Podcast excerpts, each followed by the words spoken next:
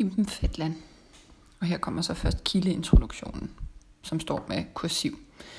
I 921 sendte kalifen i Bagdad en diplomatisk delegation til fyrsten over Volga-Bulgarerne, og denne delegation traf på hjemvejen fra Bulgar et antal nordboere, Arus, ved Volga-floden.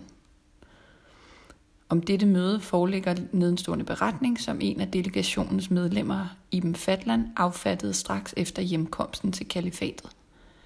I samtlige arabiske kilder anvendes betegnelsen Arus om nordboerne. Identifikationen må imidlertid, må imidlertid anses for sikker.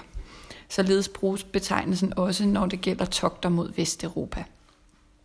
Og så kommer så den egentlige kilde, som er øh, af Ibn Fatland. Jeg så Arus, da de var kommet dertil på deres handelsrejser og havde slået sig ned ved floden Atul. Ikke har jeg set folk med mere fuldkommen lægemsbygning end dem. De er høje som dadelpalmer og rødmosset. De bærer ikke kartaker og heller ikke kaftaner. Men deres mænd bærer en klædning, som dækker den ene halvdel af kroppen, mens den ene hånd stikker frit ud af den. Hver af dem har en økse og et svær og en kniv, og han skiller sig aldrig fra noget øh, af det, vi har nævnt. Deres svær er brede og flade og riflede og efter frankisk mønster. Fra fingerspids til hals har hver af dem en samling træer, figurer og lignende. Hver af, jeres, hver af deres kvinder har på brystet en beholder, som er bundet fast og er af jern, af sølv, af kover eller af guld, alt efter størrelsen og værdien af mandens formue. På hver beholder er der en ring, i hvilken der er en kniv, som også er bundet fast på brystet. Om halsen har de halsringe af guld og sølv. For når manden er ejer af 10.000 dihemer, laver han en halsring til sin hustru. Når han har 20.000, laver han to halsringe. Og på den måde får hustruen en ny halsring for hver 10.000 dihemer, som manden øger sin formue med. Således har en enkelt af dem ofte mange halsringe om halsen – det bedste smykke er den grønne glasperle af ler, keramikperler, som er på skibene. De strækker sig meget vidt for at få fat på den, køber en perle for en diahem og binder perlerne sammen til halsbånd til deres kvinder. De, de er de mest skidende af Guds skabninger.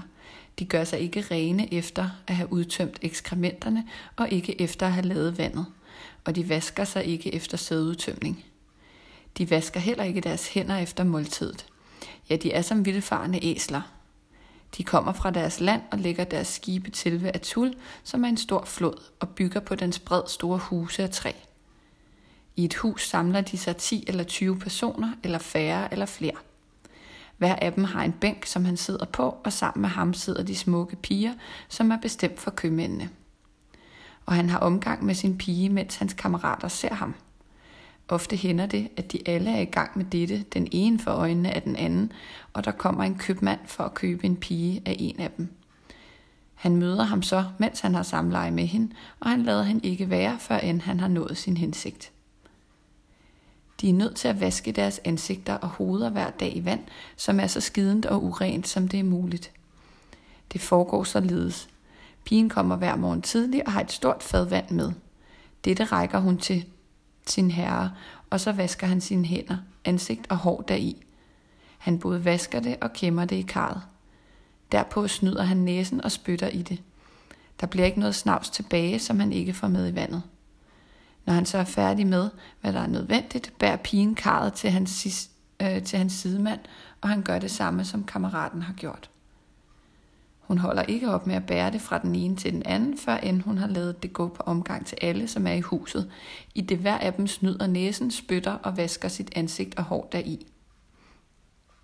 Så snart deres skibe var kommet til ankerpladsen, gik hver af dem i land, havde brød, kød, løg, mælk og nabid med sig og gik hen til en høj øh, oprejst træstøtte med et ansigt, som ser ud som et menneskeansigt.